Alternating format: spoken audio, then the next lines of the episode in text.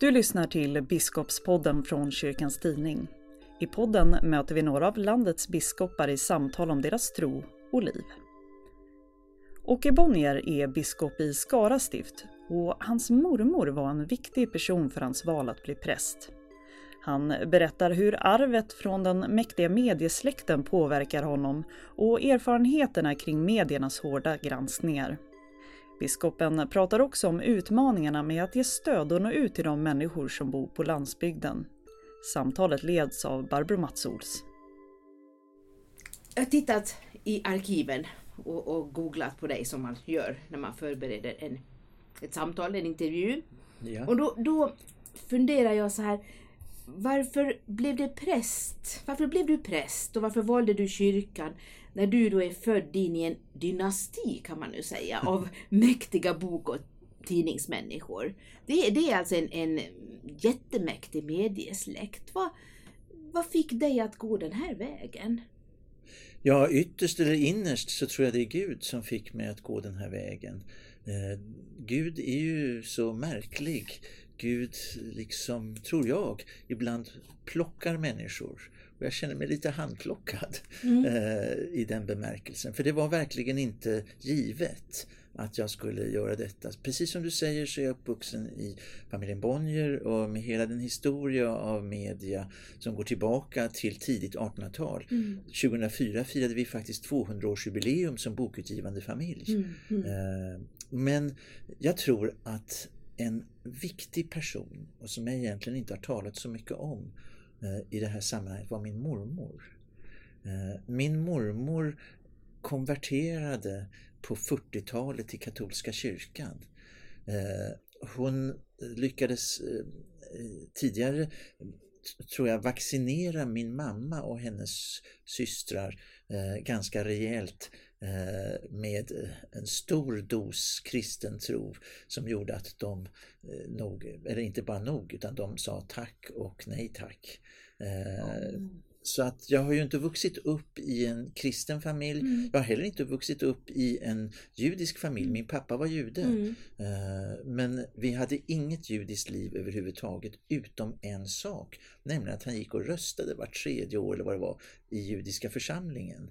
Eh, och alltid på det mest sekulariserade eller, eller det, det mest, eh, det, det, den grupp eller tillhörighet som ville assimilera mm. mest. Mm, mm. Men så jag, du, du, var aldrig, aldrig i synagogan med din pappa? Nej, aldrig.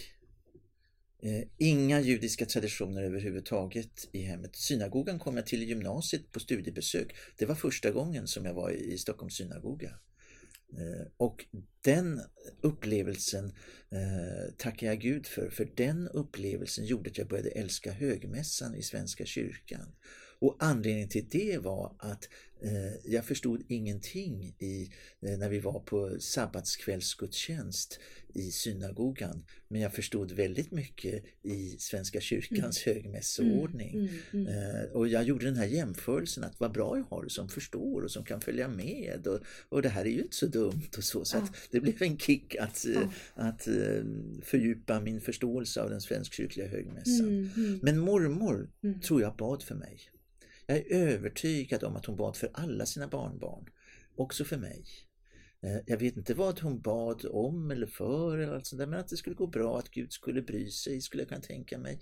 Eh, att Gud eh, ska leda, skulle leda mig på rätta vägar. Mm. Och jag tror på bönen. Den bön är viktigt. Mm. Och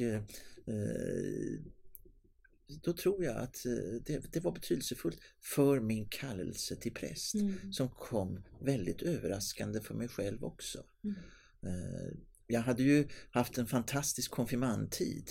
Eh, även om jag var delvis sjuk på konfirmandlägret. Men, men det, jag var kär i prästens dotter, det var inte så dumt.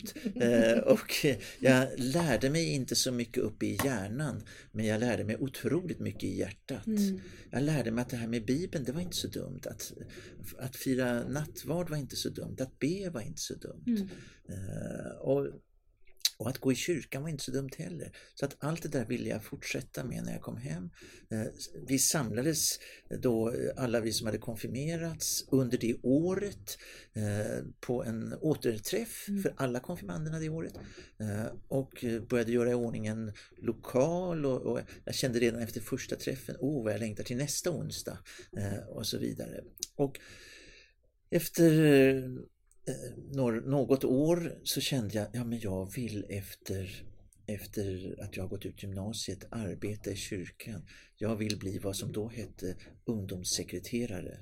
Och jag visste ju då att då skulle jag gå en folkhögskola i Sigtuna i två mm, år. Mm, mm. Eh, idag heter det ju församlingspedagog. Ja. Eh, och, eh, så jag gick hem till mina föräldrar och sa eh, jag ska bli, tänkte jag när jag gått ut gymnasiet, så ska jag bli ungdomssekreterare. Men vad sa de då? Då sa de så här, då citer, jag brukar skoja och säga, då citerade de Martin Luther och så sa de, vad är det? Mm.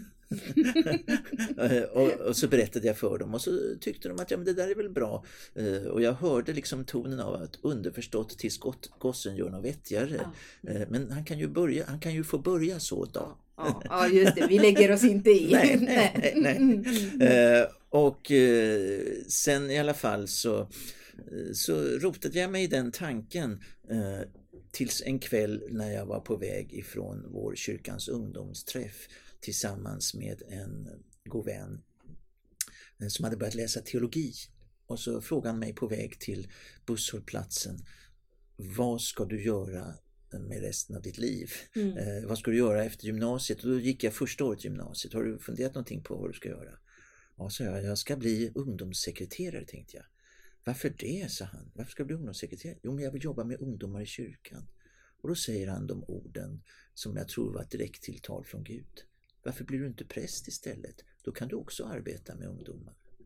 Ja, varför blir jag inte präst istället? sa jag och gick tvärs över gatan hem till mina föräldrar och sa, jag ska bli präst. Och Vad hände då, då? Då eh, höjde de ögonbrynen ganska rejält. Ja. Eh, men dock inte så att jag såg det. Eh, utan det är först efteråt som de berättade att de funderade väldigt mycket vad innebar detta. Det, det fanns i och för sig präster på min mammas sida. Min mormors morfar var passande nog prost i Borås mm. och min mormors morbror var kyrkoherde i Sunnersberg. Mm. Mm. Så att de där dammades så småningom av. Mm, mm. och, men de tänkte så här Eh, har jag fått höra efteråt. Vad är det nu som Åke ska göra? Jo, han ska läsa teologi. Vad är teologi för någonting? Jo, det är humaniora. Mm. Eh, och humaniora, det står ju högt i kurs i vår familj. Mm. Och han behöver ju inte bli präst. Och dessutom ska han ju i så fall, om man gör det här, ligga i Uppsala. Man mm. sa ju ligga på den mm. tiden. Mm. Eh, och det var ju stiligt och bra. Så att de accepterade detta och hade en fantastisk förmåga att föra in i sitt eget sammanhang eh, det som var nytt och främmande för dem. Utom en gång.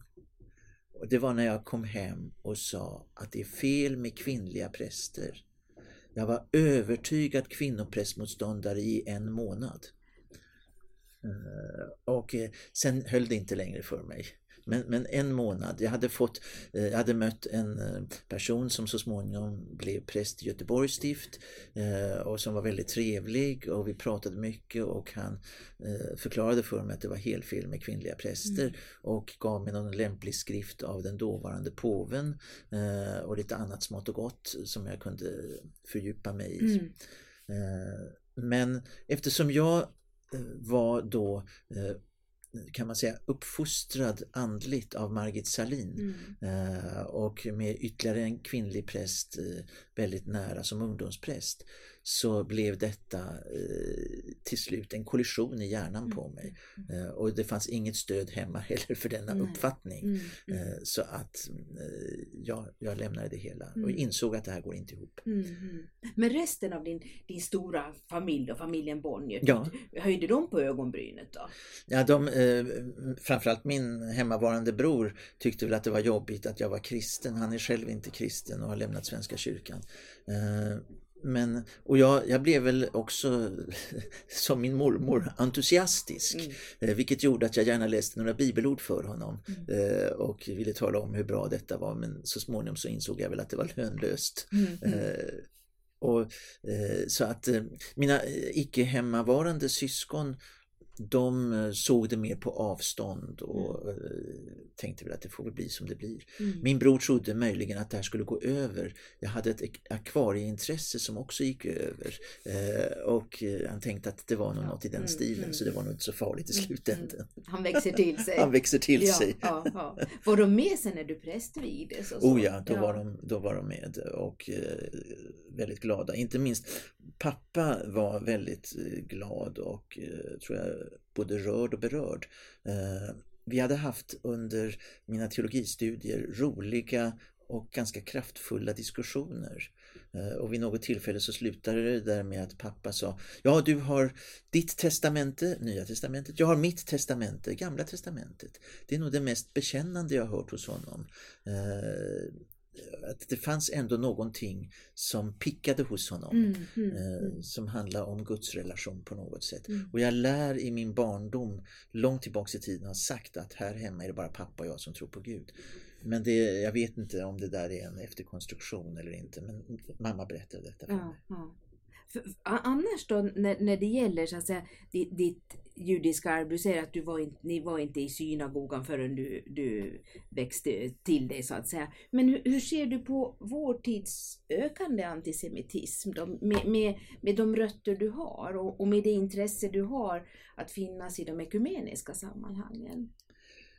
Jag tyckte det var så enkelt under min studietid. Eh, jag läste olika teologer och inte minst så fördjupade jag mig i nytestamentlig bibelvetenskap. Eh, och eh, så läste jag en teolog som heter Rudolf Bultmann mm. och han talade om judarna och kontra oftast Jesus. Mm. Och det där blev ganska tydligt och enkelt och klart för mig. Och så småningom så prästvigdes jag med den ganska tydliga och enkla och klara uppfattningen att eh, eh, Mose gav oss lag och krav, Jesus lyfter bördan av som det står i en av våra psalmer. Och så blir jag så småningom präst på Lidingö och där har vi en som gör praktik eller sån här, vad heter det, ett års volontärtjänstgöring. Mm. Diakonala året hette det då. Och hon frågar om hon får vara med och undervisa mina konfirmander om den röda tråden i Bibeln. Eh, och det tyckte jag lät pedagogiskt och bra så det sa jag ja till. Och den röda tråden i Bibeln är då på följande vis, nämligen att Gud skapade alla folk. Gud utväljer ett folk där folket missköter sig en aning eh, och kvar blir en rest denna rest börjar tala om Messias och så kommer Jesus som är Messias. Och vad gör Jesus då? Jo, han kallar en liten rest, det är lärjungarna. Lärjungarna de eh, går ut och skapar ett folk. Eh, vilket är folket? Jo, det är kyrkan. Och vad ska kyrkan göra som är folket? Jo, de ska gå ut och göra alla folk till lärjungar. Det var ju den röda mm. tråden i Bibeln. Mm. Otroligt bra. Eh, fylld av detta åkte jag sen på en två kurs till Svenska teologiska institutet i Jerusalem. Och då föll fjällen från mina ögon och jag mm, insåg mm. att det jag har undervisat konfirmander i, det jag har på något sätt varit nedsänkt i själv, är ren och skär ersättningsteologi. Mm. Mm. Som är ju den teologiska basen för antisemitism mm. och liknande. Mm, eh, så att när fjällen hade fallit så, så eh, ville jag verkligen försöka förstå vem var Jesus? Jag skrev en uppsats om den judiske Jesus Eh, som, den, det, det, arbetet betyder mycket för mig. Mm, och, så. Mm. och eh, idag är jag personligen en våldsam motståndare mot allt som luktar antisemitism och ersättningsteologi. Mm, mm. eh, och menar att kyrkan borde ta det här på ännu större allvar. Eh, och man har ju eh, duckat för detta menar jag i kyrkomötessammanhang mm, och så, när mm. möjligheter har funnits. Så att det, ja, du hör att jag liksom, ja. rösten skärps när jag ja. talar om detta. Ja, och mm, det har du anledning att, ja. att göra också för att det är, det är ju mycket oroande. Det, det, det som vi ser utanför våra fönster. Det är absolut mycket oroande och det vi sa eh, på 40 slutet av 40-talet aldrig mer om, det är idag en verklighet igen. Mm, mm. Pratar ni mycket om det här i biskopskollegiet då? Jag menar kyrkomötet eh, är ju Ja, vi talar, har talat en del om det men, men eh, sen har vi så mycket att tala om dessvärre mm. i biskopsmötet mm, så att mm. det, det blir inte tillräckligt med tid för den här typen av eh, diskussioner och samtal. Kanske skulle komma ett upprop? Ja, det är ett upprop i sänder. Ja. nu har vi, håller vi på att avsluta juluppropet. Ja, jag, jag vet. Du, apropå, du, du hade fått någon, någon någon skrift sa du tidigare om, om, om den dåvarande påven när du pluggade. Av den dåvarande. Av den, ja. Av, ja, ja. Och eh, eh, då kopplar vi till, eh, för inte så länge sedan, i alla fall under den föregående påven Benediktus den 16. Då blev du utnämnd till kommendör av Gregorius den stores orden för ekumeniska insatser. Och inte nog med att jag fick denna otroligt stiliga orden. Den berättigar mig till att rida på några typer av hästar rakt in i Vatikanen. Ska du verkställa? Jag tror inte det. Jag tror inte att någon kommer att förstå att det är en riddare av den Gregorius den stores orden som kommer ridande. Framförallt så tror jag den nuvarande påven har avskaffat alla, alla de här. Så att... det var en, tju, en tjusig möjlighet. Ja, men jag, det, det var en väldigt fin orden i, i bemärkelsen att den uppmuntrar mig. Jag har varit ekumeniskt aktiv mm. Eh, länge på olika vis och stöttat på olika vis eh, i, i katolska sammanhang, inte minst med Birgitta systern och så mm. som mm. betyder mycket för mig. Och fokulare. Och fokulare mm. sammanhang och så. Mm. så att mm. då så fick jag denna orden. Vad, vad, vad, vad ser du för, för både möjligheter och utmaningar för ekumeniken idag? Tycker du, tycker du att det har blivit eh, lite lättare att komma on speaking terms eller är, det, är, det, är vi långt ifrån varandra om man säger den svenska kyrkan och den katolska kyrkan eller den, de ortodoxa? Det beror alldeles på hur det här går till om man ska lösa all världens eh, dogmatiska problem på en gång, då, då dröjer det ett tag. Men om vi är beredda att vandra med varandra, så här är Emmausberättelsen en verklig modell för oss. Mm. Att våga gå från våra olika hem, eh, dela med varandra våra upplevelser av smärtor och svårigheter och allt sådant. Eh, och göra detta och, och uppleva, och, eller rättare sagt vara öppen för att någon slår följe med oss, mm. det vill säga Jesus själv. Eh, och så. så eh, jag tänker på just den berättelsen där Jesus och lärjungarna går och han lägger ut texten för dem så att de plötsligt förstår det ur ett nytt perspektiv. Mm. Och sen när de då har upptäckt att det var han när, de har brutit, när han bröt brödet och sen försvann så säger de inte, blev inte våra hjärtan brinnande när han bröt brödet. Nej, utan de brinnande hjärtana, det, det är verkligt viktiga. Eh, det som liksom är förändringen hos dem, eh, det sker på vägen, mm. i processen. Inte, alltså vi fokuserar rätt ofta i ekumeniska sammanhang på nattvarden Eh, och säger att jo men där, eh, där ska vi antingen eh, så ska vi fira mässan redan nu, eh, det vill säga som en måltidsrast på vägen eller också så ska vi göra det en gång när vi är helt överens. Och så blir vi så oerhört fokuserade på vad vi ska och inte ska och kan och inte kan. Istället för att se hela den här eh, möjligheten av att vandra tillsammans och dela med varandra och fördjupa med varandra. Eh, det är då våra hjärtan kommer att vara brinnande menar jag. Mm. Och här, eh, behöver, här är det inte långt bort.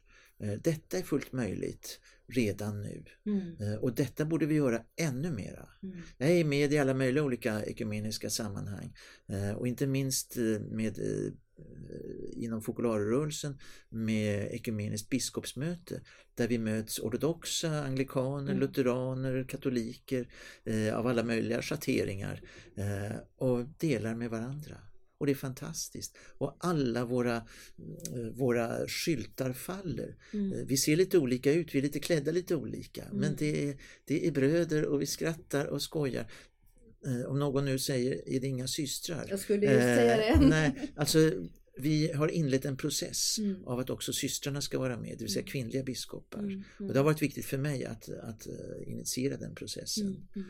Finns det någon öppning för det? Jag tror det. Mm. Jag tror det. Mm. Alltså fokularrörelsens spiritualitet handlar om en enhetens spiritualitet och en inkluderande spiritualitet. Vilket gör att eh, jag tror att det finns en stor öppenhet. Sen är det inte helt okomplicerat hos andra kyrkor, nu talar jag inte om katolska kyrkan, utan hos andra kyrkor, eh, ortodoxa inte minst, mm. kring detta med kvinnliga biskopar. Mm. mm. Men å andra sidan brukar jag säga, eh, vi är ju inte ändå biskopar eller så i deras ögon, vi som inte är eh, ortodoxa eller katol katolik, utan vi är något annat. Något annat, ja. Ja, det är ju så. det är schatteringar i, i, i, i det hela. Du, med, med början då, din, din väg liksom in, in i kyrkan och mm. präst och så domprost och så biskop. Då. Hur, hur har din egen tro och bild av Gud förändrats, ändrats under den här resans gång? Har det fördjupats? Hur, var är du någonstans idag, Åke Bonnier? Jag tror att jag eh, Eh, har fördjupats på det sättet att jag älskar osäkerheten. Eh, det kan ju låta lite konstigt. Men detta med att inte ha grepp om Gud, eh, det tycker jag är fantastiskt. Att Gud hela tiden är större. Eh, att, eh, jag har formulerat det så i mitt herdabrev som jag skrivit, att sanningen om Gud är alltid större än sanningen om Gud. För det är så lätt att vi förminskar Gud. Det, det finns ju en teologi som talar om detta. Just nu har jag tappat ordet plötsligt för mm. det. Eh, men apofatisk teologi mm. är det. Mm. Eh, som egentligen talar om att alla påståenden om Gud måste bemötas med en negation. Mm. Eh, Gud är ljus, ja men Gud är också inte ljus. Gud är kärlek, ja men Gud är också inte kärlek. Mm. Därför att alla påståenden om Gud förminskar Gud. Mm. Jag tycker det där är så fantastiskt och så fascinerande. Och så tänker jag på Petrus eh, Eh, och de övriga lärjungarna som är ute på Genesarets sjö. Eh, Jesus har sänt iväg dem i förväg och det är mörkt och det blåser och så kommer Jesus gående på vattnet och först blir de rädda och så, så säger Petrus, om det är du Herre, så säg åt mig att komma till dig. Och Jesus säger kom och jag ser hur han klättrar över relingen, lämnar den trygga båten eh, och eh, går på vattnet och när han är nära Jesus så eh, upptäcker han först då att eh, vågorna går höga och han blir rädd och sjunker. Mm. Och där har mången predikant sagt att om han bara hade haft ögonen på Jesus så hade han inte sjunkit. Mm. Och jag tänker, ja men det är ju underbart att han sjunker. För vad händer när han sjunker? Jo, Jesus griper tag i honom. Och jag tänker att det är precis så. När vi vågar sjunka från ytan, när vi vågar sjunka från våra snabba säkra svar, det är då han griper tag. Har du känt så själv? Ja, det har jag gjort. Eh, och han säger till mig naturligtvis, du trosvage. Eh, för det säger han nog kanske till alla, men mm. inte minst till mig. Mm. Har du tvivlat någon gång? Ja, det, det kommer ibland över mig. Så där. Tänk om alltihopa bara är påhittat. Och jag ägnar mig åt detta.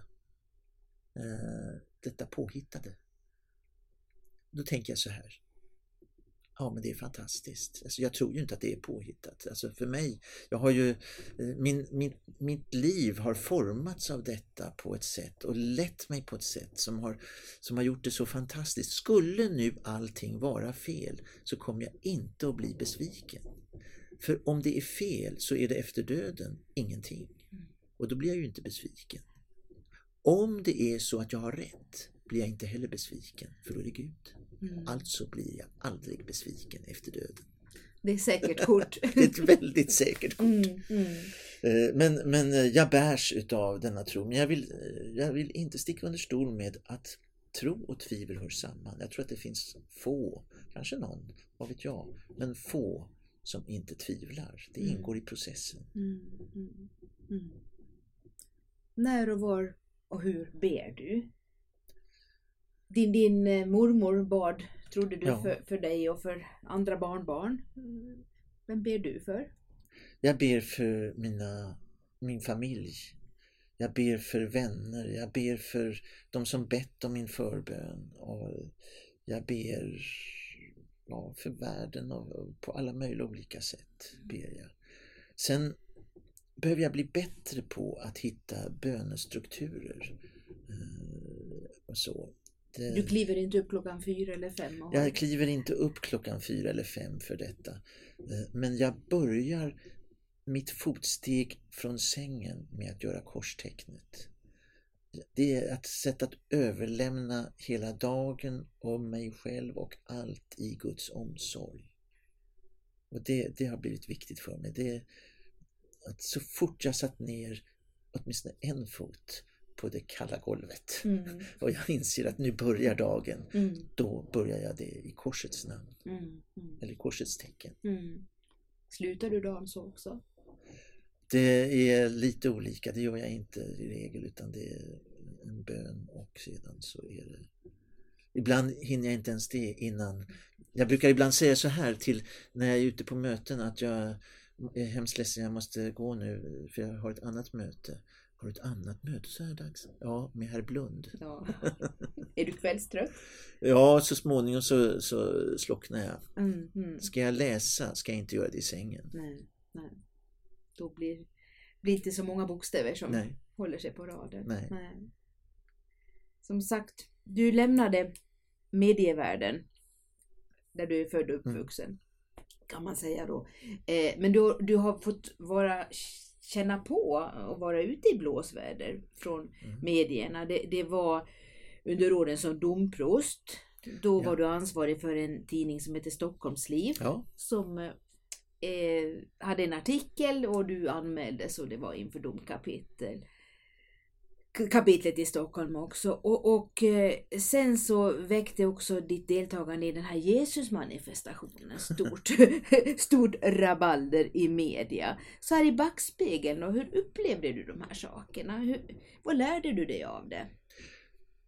Det svåra var nog Stockholms liv, eh, för jag var så ovan vid eh, brist på det fria ordet rädslan, alltså det var en sorts eh, rädslans hållning eh, när man gick på, det var ju queer-teologi mm, eh, mm. som är lite speciell. Jag är ingen direkt förespråkare av queer-teologi men vår hållning var att det är spännande att få läsa någonting nytt och spännande. Mm. Men si, det var inte någon riktigt gångbar hållning. Eh, och jag kom ju som sagt från en familj som har värnat det fria ordet. Mm. Och det blev plötsligt det ofria ordet mm. i det här sammanhanget. Och det väckte ett eh. väldigt rabalder. En präst ja. som skriver att Jesus säger att det är okej okay för en vuxen man att ha sex med en pojke. Det var väl ja. ungefär kontentan? Alltså, han skilde mellan eh, pederastisk och, ped och eh, relation och pedofili. Mm, mm. Eh, och det här är ju en filosofisk skillnad. Mm, mm. eh, och jag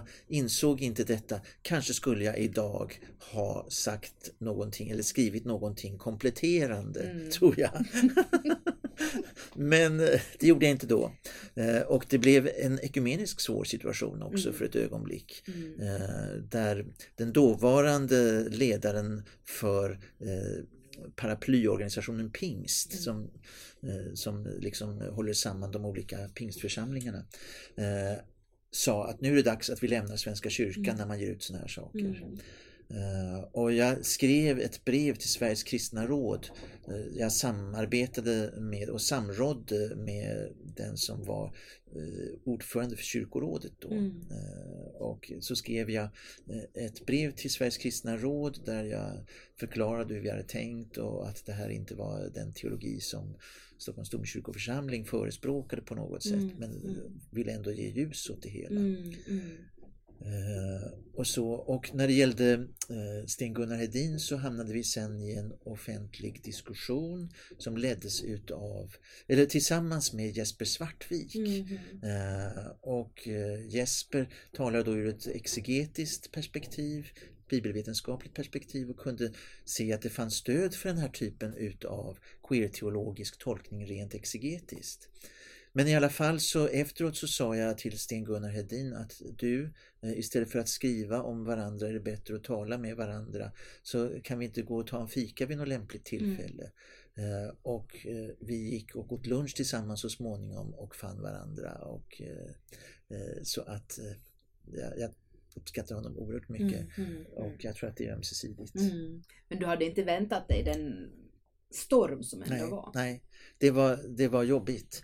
Uh, och som sagt, jag blev anmäld till domkapitlet och uh, jag skrev en lång inlaga till domkapitlet där jag sa också att man kunde ha uh, beskrivit eh, andra typer av bibeltolkningar parallellt. Mm. Och det höll mm. domkapitlet med om och så hände inget mer.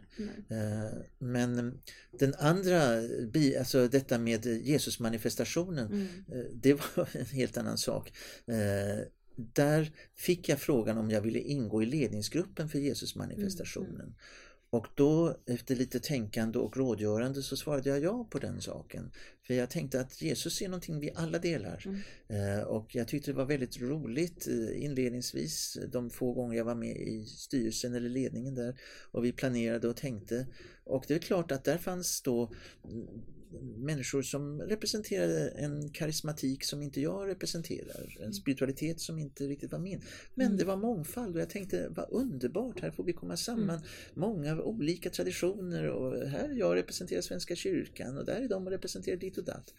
Eh, och det där tyckte en av de ledande, jag ska inte säga vem kanske, eh, inte var så lämpligt. Mm. Åke Bonnier som hade varit med i Pride-parad och annat, tror han nu att det här ska bli en ny Pride-parad mm. kanske? Eh, och jag hade ju inte tänkt i Pride-termer överhuvudtaget. Eh, utan det blev, han skrev då i tidningen Dagen om detta och sin upprördhet och de erbjöd mig att svara och det ville inte jag göra därför jag vill inte ha en diskussion om mig. Mm. Jag ville att vi skulle tala om Jesus. Eh, men till slut så ökade trycket och jag sa till ordföranden eh, att jag, jag, tror att nu är enda vägen ur det här att jag går ur. Mm. och jag skulle göra det ganska stillsamt så jag skrev det bara på min blogg att jag lämnar. Eh, vad jag inte riktigt hade grepp om det var att det var många också i mediasammanhang mm. som läste min blogg. Så att det blev ju ett uh, väldigt liv när jag klev ur det mm, hela. Mm, mm. Men det är synd, jag tror fortfarande att det hade varit fantastiskt om vi hade kunnat ha en Jesusmanifestation med mycket av det som var, sen men också med annat. Alltså att det kunde fått varit ännu bredare. Mm, mm, mm. Och apropå blogg, bloggare då, eller mm. det, så, du är en flitig bloggare? Nej, jag är en dålig bloggare är du numera. Det? Jag var en flitig bloggare. Nu är jag väldigt flitig på Facebook. Är du där istället? Det är nästan min nya blogg skulle jag vilja säga. Vad, vad säger du om närvaron då i sociala medier då och, och sociala mediers med inverkan och påverkan på både kyrka och samhälle. Och jag tycker det här är jätteviktigt. Eh, det finns en rädsla hos många präster att vara i sociala, på social media och skriva och så. Man säger det ligger kvar alltid och tänk och hjälp och nej och det vill jag inte. Mm. Uh, och, eller ja, möjligen så skriver jag i någon sluten grupp och sådär. Och jag tänker att nej men låt oss verkligen vara ute i social media och synas och så. Uh, och vara med och, och föra ut det som vi står för. Eh, och sen, sen får man ju sina smällar ibland. Eh, och eh, ärkebiskopen har ju verkligen blivit ansatt på olika vis på ett otroligt orättvist och orättfärdigt sätt. Men jag tänker att så många människor är ute i social media. Det är Twitter och Facebook och Instagram och allt vad det heter. Mm, mm. Vi måste vara där, vi måste finnas där. Men är, är, är, det, är man oförberedd då, tänker jag från kyrkans kyrkligt håll då, att det, det kan vara en väldigt hård ton, att det är eh, oförsonligt, det är väldigt, väldigt eh, kan vara ett jagande. Man, man, man, man hänger ut människor och eh, så. Att, att eh, det är svårt att hantera det här. Att vilja vara där och, och, att man tycker att det är självklart, det är kanske en sak, men hur är det där ute? Nej, det är klart att det, det, det finns ju gränser för vad vi som, som människor orkar med. Mm. Eh, om man ständigt är angripen och aldrig egentligen riktigt kan försvara sig. Mm. Ibland angripen för sånt där man inte kan ge hela bilden därför att det, det, det går inte. Det är tystnadsplikt och andra mm. saker som hindrar en. Mm. Mm. Eh, eller annat. Det, eh, det är klart att det är tufft. Men min erfarenhet efter några år på Facebook nu är att det är ett sätt att nå ut till väldigt många. Eh, att eh, om, om man, jag försöker, när, när det gäller min Facebook så försöker jag blanda personligt och eh, biskopligt. Det, jag, är, jag är ju den jag är. Så att mm, mm. Men, men jag skriver ibland om mitt morfarskap till exempel. Mm.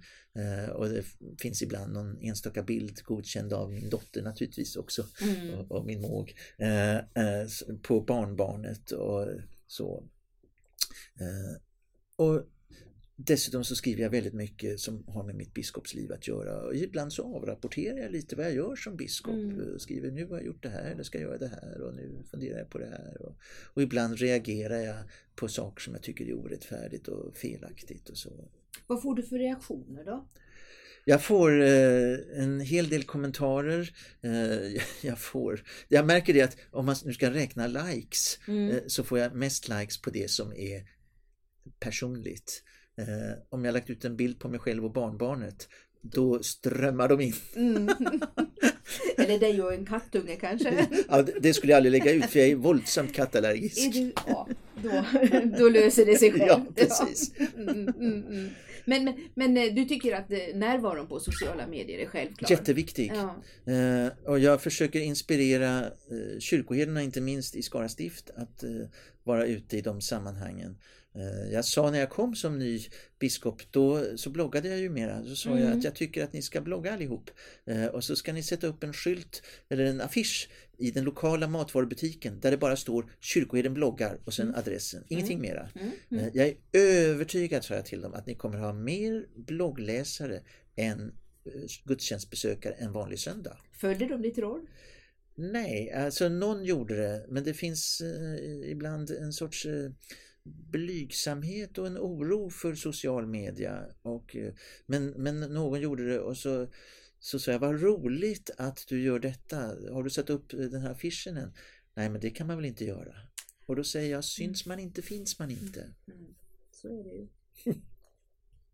På ont och gott? Ja, eller på ont och gott. Ja, ja, ja, ja, visst. visst. är det så. Men du fortsätter, du kommer inte att lägga ner? Nej, jag fortsätter. Det, mm det är roligt och det är viktigt och man behöver inte vara rädd för att det ligger kvar. Jag skriver bara sånt på min blogg som jag kan mm, spraya på Biskopsgårdens vägg om mm. det så mm. skulle behövas. Mm, mm, och man ska kunna stå för, ja, för det, det jätteviktigt. man Ja, ja, det... Och jag är aldrig privat. Nej. Du är väldigt mån om din privata sfär ändå. Ja, det är jag. Det är jag i den bemärkelsen att eh, privatlivet skiljer sig inte så våldsamt mycket från det personliga som i sig inte skiljer sig mycket, så mycket från biskopslivet. Mm, mm. Eh, men jag eh, skriver aldrig egentligen privat om mina barn och barnbarn på det viset. Nej. Eh, utan det, det tycker jag är deras sak. Det är respekt mm. för min familj som jag gör det. Mm, mm. det. Mm. I takt med, med detta att vara biskop, vara en offentlig person, blir det så att behovet av att få vara eh, Eh, väldigt privat också, alltså, och där man inte släpper någon in i den innersta kretsen, att det ökar. Tyck, ser du något sånt hos dig själv? Nej, egentligen inte riktigt. Eh. Jag, jag nej, egentligen inte. Jag har jag kan tala om mina barn i, i media eller på andra vis och säga att jag är otroligt stolt över dem, för det är jag verkligen, mm. och vad de gör och allt sådant. Men eh, så att på det viset undanhåller jag inte offentlighetens ljus något. Mm. Och, och, vill man rota i vem jag är och vad jag har och, och, min bakgrund och allt sånt där så är det så offentligt så att det är, det är så enkelt som, mm. som helst skulle jag vilja säga att mm. göra det om man vill det. Mm. Mm. Så jag, jag, har, jag har ingenting att dölja. Då kan du vara frimodig där. Ja. Mm, Nej som sagt rotar man, rotar man i arkiven eller på, på Google efter dig så ser man ju då att du är god för ofattbara två miljarder ungefär. Något. Ja. Alltså du, du, du, du är på den här topplistan då över landets rikaste personer. Mm. Och för de flesta av oss och kyrkans medlemmar så, så stretar de på, och, eller vi stretar på. Det är försök att få vardagsekonomin gå ihop och man mm. amorterar på sina lån och kanske sparar en slant för kommande mm, behov. Mm, mm, mm, Då är det, alltså det är helt ofattbart. En, en sån förmögenhet som vi talar om när det gäller dig. Hur hanterar du din rikedom, alltså förmögenhet? Jag försöker se det eh, ur ett större perspektiv än jag. Eh, var, var kommer de här pengarna ifrån? För det första så är när de skriver två miljarder, jag menar det är en ofattbar summa, jag förstår det inte själv. Mm. Så handlar det om delägarskap och värderingar mm. av, mm. av Bonnierkoncernen mm. och mm. delar i Bonnierkoncernen mm. och sånt där. Så att det är ju en sanning med modifikation får man väl lov att säga. Men det står ju ändå för någonting och då, då är frågan, vad står det här för? Jo, det står för en process som börjar i början på 1800-talet mm. eh, av någon, det vill säga min anfader, som startar bokhandel och bokutgivning mm. och som det går hyggligt bra för mm. och vars söner kommer till Stockholm och där framförallt en av sönerna lyckas, nämligen Albert som startar det lilla pyttelilla bokförlaget Albert Bonniers förlag mm. som börjar ge ut Eh, faktiskt den första boken är bevis för att Napoleon aldrig har existerat. Eh, den kom 1837. Eh, och sen så mm. handlar det om relation till Strindberg och Selma mm. Lagerlöf och, och andra stora författare. Och det handlar om expansion och möjligheter och företagsköp och alla möjliga sådana saker. Mm. Och så föds jag och så säger min pappa som han har sagt då till, till alla andra av mina syskon, nämligen att du ska också vara delägare i detta sammanhang. Och det säger han när jag är i princip nyfödd. Mm. Uh, och så där är det, så där har det gått generation efter generation. Så vad har jag, vad har jag gjort med detta då? Uh, jo, jag har fått allt det här. Det, det är liksom, mm. jag, har, jag har fötts in i detta, mm. vare sig jag velat eller inte. Mm. Och vad har jag då att göra med det? Jo, jag har att göra två saker. Det ena är att hantera det och naturligtvis på olika vis utnyttja eh, det som går att utnyttja på ett klokt och bra sätt. Till stöd och till glädje på olika vis. Mm. Eh, men också att ge det vidare till nästa generation. Eh, så att det, det är liksom någonting som jag har ett dubbelt ansvar för. Jag, jag har ansvar för att hantera det idag på ett sådant sätt att det kommer till glädje för fler än mig själv. Mm. Eh, och jag har ett ansvar för att föra det vidare till nästa generation. Mm. Eh, ja, ungefär så mm. försöker jag hantera det hela. Hur påverkar det din syn på pengar då? För, för det du pratar om är ju, är ju så att säga det här arvet som, ja. du, som du, ja. har, du har fått och du har fötts in i, du förvaltar det vidare.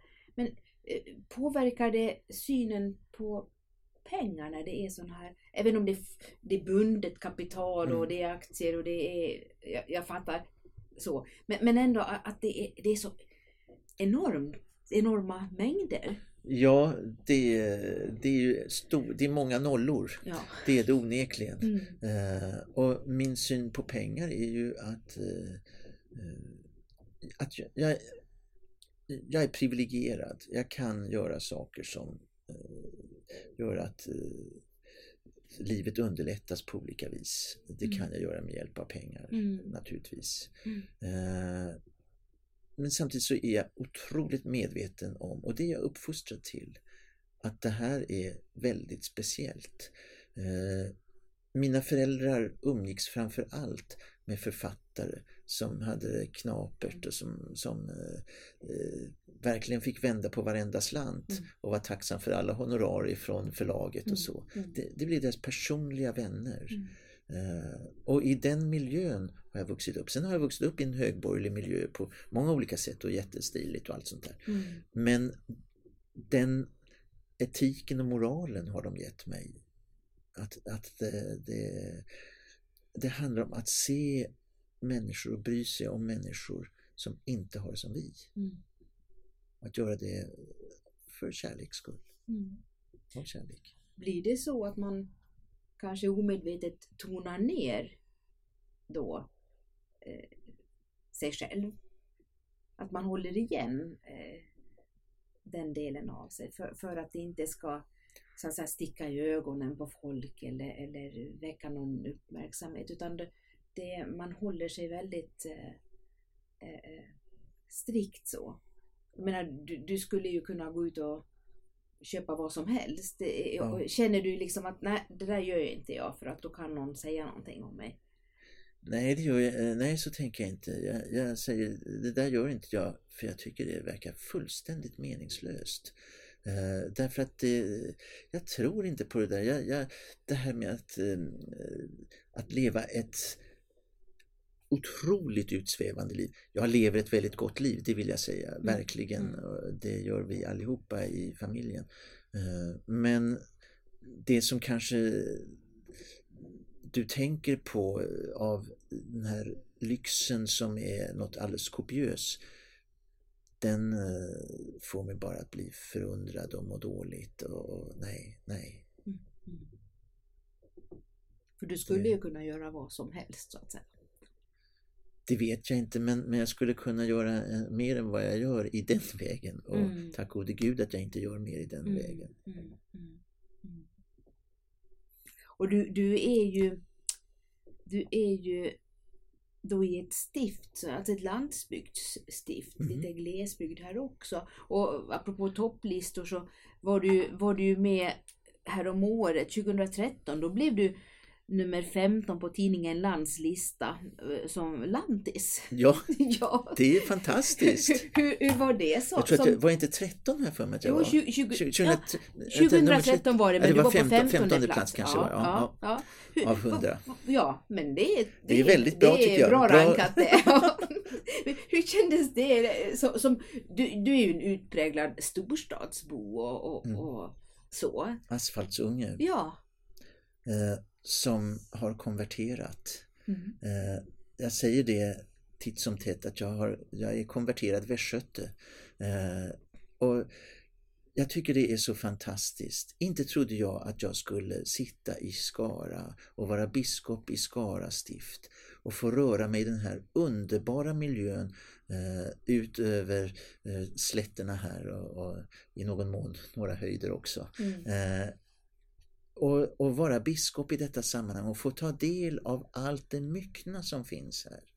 Nej, jag trodde ju att jag skulle, eh, jag föddes visste jag ju redan när jag var född att jag var född mm. i Stockholm. Mm. Eh, leva där och eh, pensioneras där. Mm. Men Gud ville annorlunda. Gud grep in igen. Han grep in när jag kallades till präst eh, och han grep in igen eh, när jag eh, hade varit domprost i sex år i Stockholm. Mm. Och liksom plockade bort mig därifrån och satte mig i Skara stift. Och att få uppleva landsbygd och att landsbygd är landsbygd och inte landställe eh, det har varit en viktig eh, fördjupning av min syn på på Sverige, att Sverige är större än Stockholm. Mm. Eh, och all, all den rikedom, kulturell och, och, på andra vis rikedom som finns i detta stift. Det är fullständigt fantastiskt. Mm. Så jag tackar Gud nästintill dagligdags för att jag får vara biskop i Skara stift. Mm. Var det ett yrvaket möte med landsbygden och lilla Skara? Ja, det var det ju på ett sätt. Eh, jag kan ju då berätta att eh, när jag, blev till, när jag, när jag var tillfrågad om jag var beredd att ställa upp som eh, biskopskandidat innan det var officiellt, innan jag var en officiell kandidat. Mm. så var jag på ett domprostmöte här i Skara och då stod jag utanför Skara domkyrka tillsammans med en person ifrån Stockholms stift och tittade och hon visste om att jag skulle, att jag skulle kandidera. Och så säger hon, är du här du ska vara? eh, om du blir biskop. Ja, är det här jag ska vara, sa jag med lite darr på stämman. Mm, mm. Eh, och, och, lite orolig och vad är det jag har gett mig in i och kommer jag att trivas så kommer det, tänk om jag får ångest bara av allt detta. Mm.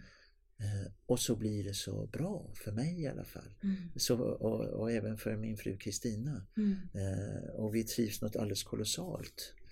Hon arbetar i Stockholm och pendlar. Eh, och jag pendlar ju egentligen också i den bemärkelsen att vi biskopar är på så många olika ställen i Sverige mm. genom att vi besöker varandra och har biskopsmöten och mm. mycket i Uppsala och sådär. Mm. Men när jag reser hem så reser jag till Skara. Så det har blivit hem för det, dig? Det är hemma. Skara är hemma. Eh, och det är viktigt för mig och det är härligt. Här bor jag. Välkommen hem till mig. Det måste vara en stor omställning inom dig ändå. Ja, det, man kan säga, är det inte psykologiskt eh, mm. och måste du inte säga så för att du ska klara det här nu? Mm. Mm. Nej, det är en känsla. Uh, och är det psykologi så är det väl psykologi då, men, mm. men det är en känsla att det här är mitt. Och hela Västergötland är mitt. Jag blir otroligt glad när jag hör om saker som händer i Västergötland, för det, mm. då vet jag, ah, om det, om det inte är Göteborgsdelen så att säga, Västergötland, mm. så vet jag, det här är mitt stift. Mm. Skara stift, jag är Skara stifts biskop. Det är mitt stift, mitt sammanhang, min samhörighet. Mm. Man talar ju idag mycket om att att eh, landet slits isär och det är mm. storstad och, och, och landsbygd, ja. glesbygd så. Eh, hur mycket märker du av sånt här i Skara stift? Jo, alltså det är ju, man drar ner på resurser i landsbygdssammanhang och centraliserar. Det sker ju här i Skara stift också. Mm. Inom ramen för stiftet. Mm. Eh, det vill säga eh, från små sammanhang så för man in de större sammanhang. Vi har ju stora sammanhang, vi har Borås, vi har Trollhättan, eh, vi har Skövde, vi har alla möjliga olika större sammanhang. Naturligtvis ingenting jämfört med storstäderna i, vår, i, vårt, i vårt land. Mm. Men jag har skrivit om detta därför att det här handlar om människovärde. Mm hur, mycket måste en, hur många människor måste vara samlade för att de ska vara värda att satsas på? När man drar in på alla möjliga resurser och säger ja tyvärr, du har bott här, du har vuxit upp och bott här hela ditt liv men det kan du tyvärr inte göra längre utan mm. nu så får du flytta om du ska ha den här servicen. Mm. Mm. Och jag tycker att det här är märkligt förhållningssätt. Uh, och vi behöver prata ännu mer om landsbygdsutveckling. Mm. Eh, och låta hela Sverige leva mm. som, som man sa förut. Mm. Det behöver vi komma tillbaka till och titta på Norge och titta på andra länder mm. som har klarat det på ett helt annat sätt än vad vi har gjort. Mm. Mm. Så mm. att eh, och det här är viktigt. Ja, och att det är viktigt också tänker jag att att eh, du som biskop och företrädare för Svenska kyrkan gör sin röst hörd här för att de flesta medlemmar som Svenska kyrkan har bor ju än så länge också på landsbygden ja. och glesbygden och, och, och, och, kunde väl förvänta sig lite stöd också. Ja, absolut. Ja. absolut. Mm. Vi är ju ingen glesbygdsbygd Nej. i detta stift. Mm. Men vi är i allra högsta grad ett landsbygdsstift. Mm. Mm. Eh, och det är, det är viktigt med detta. Mm. Ännu svårare är naturligtvis i glesbygden. Ja. Och det här är också svårt ur ett kyrkoperspektiv. Mm. Vi har 435 kyrkobyggnader i detta stift. Eh, när jag tittade på kyrkkartan eh, precis när jag var nyvald biskop och tittade på framförallt södra delen av vårt stift så trodde jag att eh, kartan hade fått mässlingen. Mm. Eh, för det liksom ligger så tätt där. Mm, mm, mm. Eh, idag är det här ett problem. Vad gör man om vi tar Vara pastorat? 24 kyrkor i pastoratet. Jag var ju van vid det som förr i tiden hette enförsamlingspastorat i Stockholms stift med en eller kanske två kyrkor. Mm. Eh, jag var kyrkoherde och präst på Lidingö under många år. Fyra kyrkor. Mm. Det var ju hanterbart. Mm. Vad gör man med 24 kyrkor? Eller 20 eller 17? Jag menar, det är de här siffrorna som är väldigt vanliga i, i pastoraten i Skara. Ja, och vad gör man? Ja, alltså eh, Dels så måste man ju eh, sammanlysa på ett annat sätt. Eh, man måste tänka, och det ska man ju göra när man skriver sin församlingsinstruktion, det som är styrdokument för mm. församlingarna. Man måste tänka, hur ska vi hantera de här kyrkorna? Jag reste runt i början av min tid och sa vi måste, vi måste kanske stänga flera kyrkor. Vi, vi har inga möjligheter att ha de här eh, öppna. Det kostar för mycket i värme och, och mm. alla möjliga olika saker. Och alla sa, du har helt rätt Åke, vi stöder detta helt och fullt, verkligen. Utom en kyrka, min kyrka. Mm. Och det finns så många min kyrka. Uh, och det är problematiskt. Vi måste hjälpa människor att upptäcka att det är viktigare att, att fira gudstjänst än var man firar gudstjänst. Mm. Men identiteten är ju så ofta kopplad till den lokala kyrkan, till min kyrka. Ja. Eh, det, så ser det ut tror jag över hela landet. Absolut. Att man åker inte fyra mil eh, till den kyrka som ingår i pastoratet. Nej. Utan att då är man hellre hemma. Ja, nej jag, jag inser ju det också, snacka går ju. Ja. Eh, men, men eh, det gäller att hjälpa människor att också eh, upptäcka gudstjänsten när man går i kyrkan eh, och känna att det är en glädje. Det är en utmaning menar jag för oss alla som är predikanter och som är musiker och som är, är gudstjänstvärdar, kyrkvärdar och allt vad det är för någonting.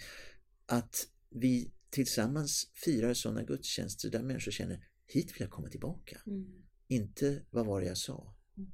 mm. Och gudstjänsten börjar så fort någon sticker näsan genom kyrkdörren. Vad händer då är frågan. Mm. Och vad händer när gudstjänsten är avslutad? Kommer man in ensam och går ut därifrån ännu mer ensam än när man kom in? Mm. Eller vad händer? Mm. Och det här behöver vi ännu mer arbeta på.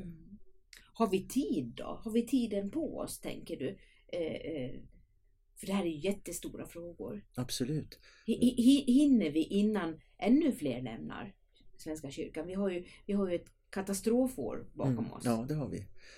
Uh, jag tror, det kan låta lite märkligt, jag tror att vi ska inte fokusera på de dryga 80 000 som lämnade Svenska kyrkan 2016.